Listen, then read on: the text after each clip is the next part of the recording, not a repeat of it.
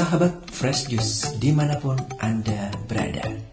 Kita berjumpa kembali dalam Fresh Juice hari ini Rabu 1 September 2021 Bersama Romo John Laba SDB dari Tangerang. Selamat mendengarkan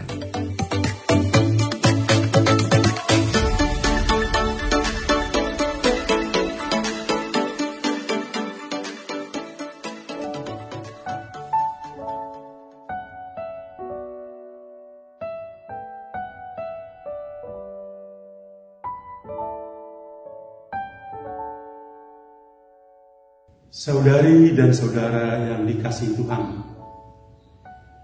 hari ini hari Rabu pekan biasa yang ke-22, saya Romo John Laba STD dari komunitas Salesian Don Bosco Tiga Raksa akan hadir bersama kalian semua untuk membaca dan merenungkan Injil pada hari ini, Injil Lukas bab 4 ayat 38 sampai 44. Sekarang saya bacakan. Tuhan bersamamu dan bersama rohmu. Inilah Injil suci menurut Lukas. Dimuliakanlah Tuhan. Setelah meninggalkan rumah ibadat di Kapernaum, Yesus pergi ke rumah Simon. Adapun ibu mertua Simon sakit demam keras dan mereka minta kepada Yesus supaya menolong dia. Maka Yesus berdiri di sisi wanita itu, lalu menghardik demamnya. Segera penyakit itu meninggalkan dia. Wanita itu segera bangun dan melayani mereka. Ketika matahari terbenam, semua orang membawa kerabatnya yang sakit kepada Yesus. Ia meletakkan tangan atas mereka masing-masing dan menyembuhkan mereka. Dari banyak orang keluar juga setan-setan sambil berteriak, Engkaulah anak Allah. Tetapi dengan keras Yesus melarang mereka untuk berbicara karena mereka tahu bahwa ia Mesias. Ketika hari siang, Yesus berangkat ke suatu tempat yang sunyi, tetapi orang banyak mencari dia. Ketika menemukan dia, mereka berusaha untuk menahan dia supaya jangan meninggalkan mereka. Tetapi Yesus berkata kepada mereka, "Juga di kota-kota lain aku harus mewartakan Injil Allah, sebab untuk itulah aku diutus."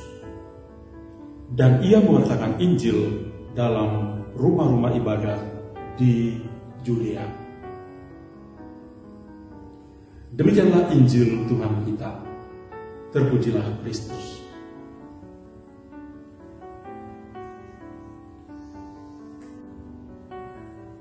Saudari dan saudara yang dikasih Tuhan, saya memberi judul renungan pada hari ini, Tuhan Yesus, sekiranya Engkau ada di sini. Pada saat ini saya sedang berada dalam ruangan kapel komunitas novisiat Salesian Don Bosco di Tiga Raksa, Tangerang. Persis di depan altar. Di tempat inilah setiap hari para novis dan juga tim pembina berkumpul bersama sebagai sebuah komunitas untuk berdoa, baik berdoa secara pribadi maupun secara sebagai satu komunitas dan juga merayakan Ekaristi secara bersama-sama. Tentu suasananya menyenangkan karena ada dalam sebuah biara di sebuah novisiat. Saya juga mengucapkan selamat memasuki bulan September.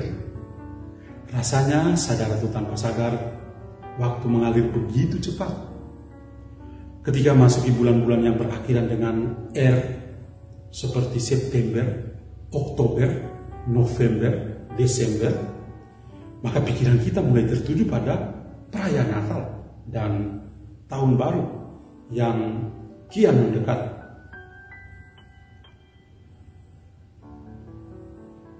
Dan untuk tahun ini, ya, Natal dan Tahun Baru juga masih dihiasi oleh kalimat pandemi G19. Kita semua belum tahu ya secara pasti kapan masa pandemi ini akan berakhir. Hanya Tuhan yang tahu secara pasti kapan pandeminya akan berakhir. Namun yang jelas orang-orang yang beriman akan tetap berharap kepada Tuhan Sang Pencipta yang tidak akan berhenti untuk mengasihi. Karena Allah adalah kasih. Bulan September juga dikenal sebagai bulan kitab suci nasional. Tema bulan kitab suci nasional tahun 2021 yang diusulkan oleh Lembaga Biblika Indonesia sangat kontekstual. Temanya adalah Yesus sahabat seperjalanan kita. Siapakah kita yang menjadi sahabat seperjalanan Yesus? Kita adalah pribadi-pribadi yang dalam masa pandemi ini sedang putus asa, kehilangan, menderita, dan bertobat. Mereka yang mengalami dan masuk dalam kategori inilah yang menjadi sahabat seperjalanan Yesus. Saya yakin bahwa Anda dan saya adalah sahabat-sahabat seperjalanan Yesus saat ini.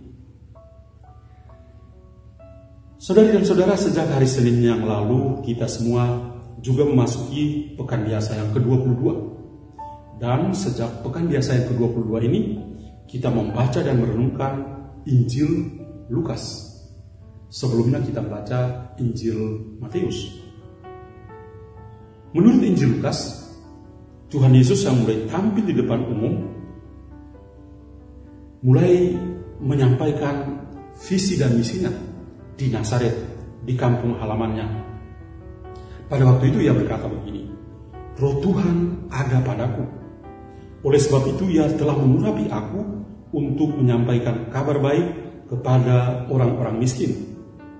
Dan ia telah mengutus aku untuk memberitakan pembebasan kepada orang-orang tawanan dan penglihatan bagi orang-orang buta untuk membebaskan orang-orang yang tertindas untuk memberitakan tahun rahmat Tuhan telah datang. Injil Lukas bab 4 ayat 18 dan 19. Namun sebagaimana kita baca dan mengetahui bahwa orang-orang sekampung halaman itu menolak kehadiran Yesus. Maka apa yang terjadi?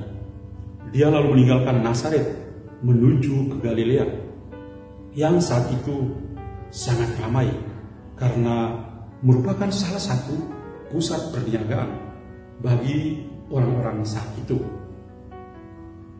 Jarak antara Nazaret dan Kapernaum di Galilea itu sekitar 20,03 mil atau sekitar 32,24 kilometer perjalanan menurun dan tentu juga melelahkan bagi Yesus. Dari visi dan misi Yesus ini kita menemukan para sahabat seperjalanan Yesus. Yesus yang penuh dengan roh kudus mewartakan Injil kepada kaum miskin, pembebasan kepada para tawanan, penglihatan kepada orang buta, membebaskan orang-orang yang tertindas dan memberitakan bahwa tahun rahmat Tuhan telah datang. Jadi meskipun Yesus mengalami penolakan di kampung halamannya di Nazaret, namun ia tetap berjalan bersama sahabat-sahabatnya, berkeliling dan berbuat baik dengan menjamah serta menyembuhkan mereka. Penginjil Lukas hari ini menceritakan tentang penyembuhan-penyembuhan yang dilakukan oleh Yesus setelah dia tiba di Galilea, tepatnya di dalam sinagoga di Kapernaum. Mula-mula Yesus diminta untuk menyembuhkan ibu mertua Simon yang saat itu sedang demam keras. Cara Yesus menyembuhkan juga sangat unik. Apa yang dia lakukan? Dia berdiri di samping wanita itu dan menghardik demam. Dan saat itu juga demam itu hilang dan wanita itu menjadi sembuh. Dia bangun dan melayani Yesus.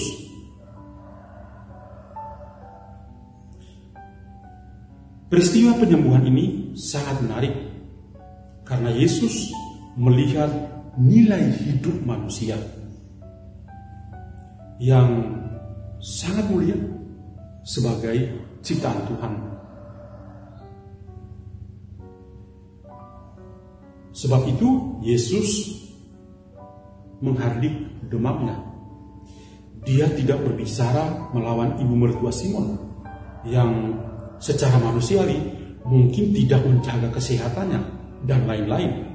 Dia tidak mengombeli mertua Simon, tapi dia justru menghardik demam itu. Tuhan Yesus memang beda. Dan pada sore harinya, Yesus juga menyembuhkan banyak orang sakit dengan cara meletakkan tangan atas mereka dan mereka semua menjadi sembuh. Setan-setan saja berteriak sambil mengakui bahwa Yesus adalah anak Allah.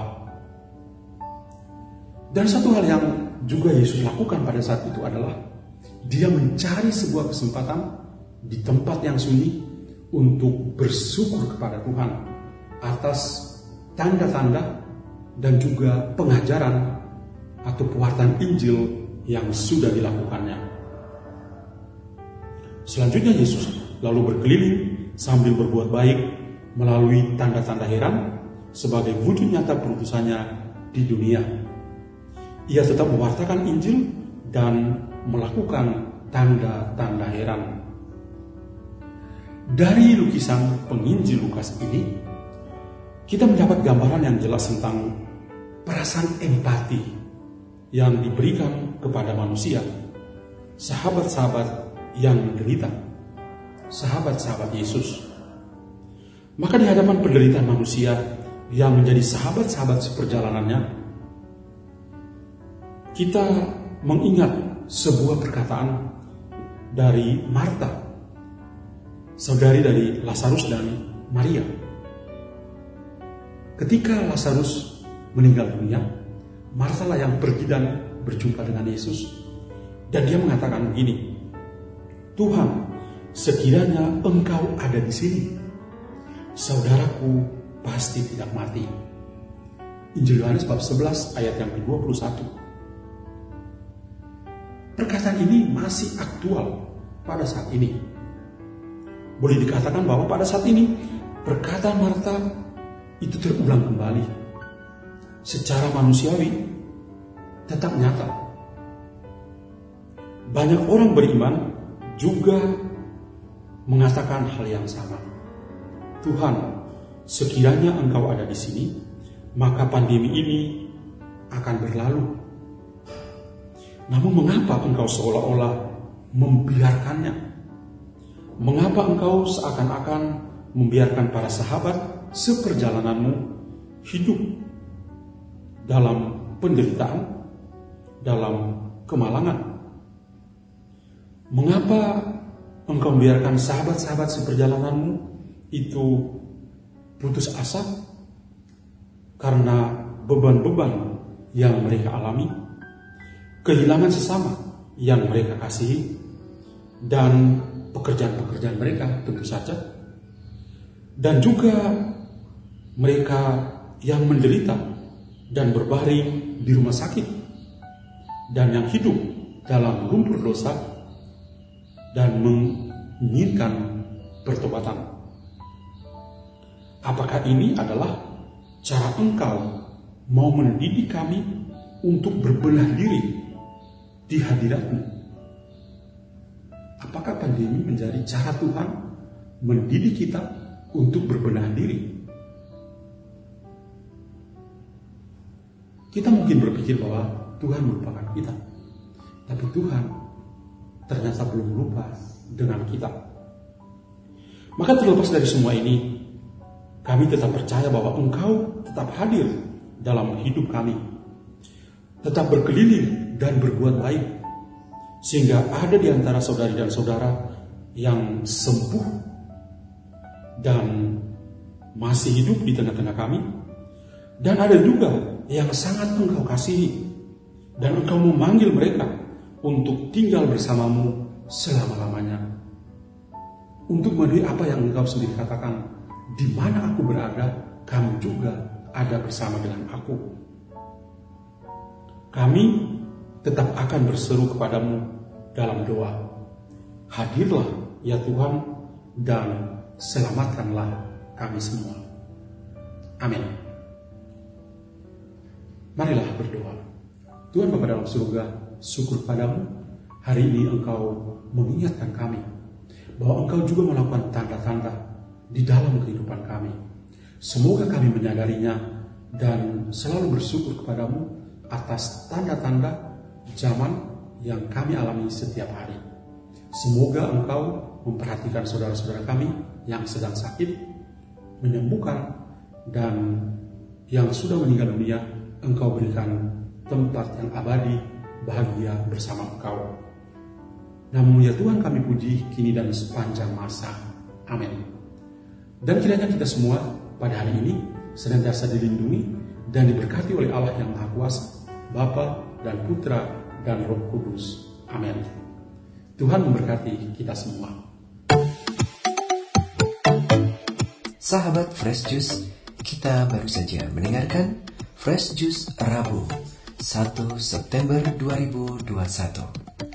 Terima kasih kepada Romo John Laba untuk renungannya pada hari ini.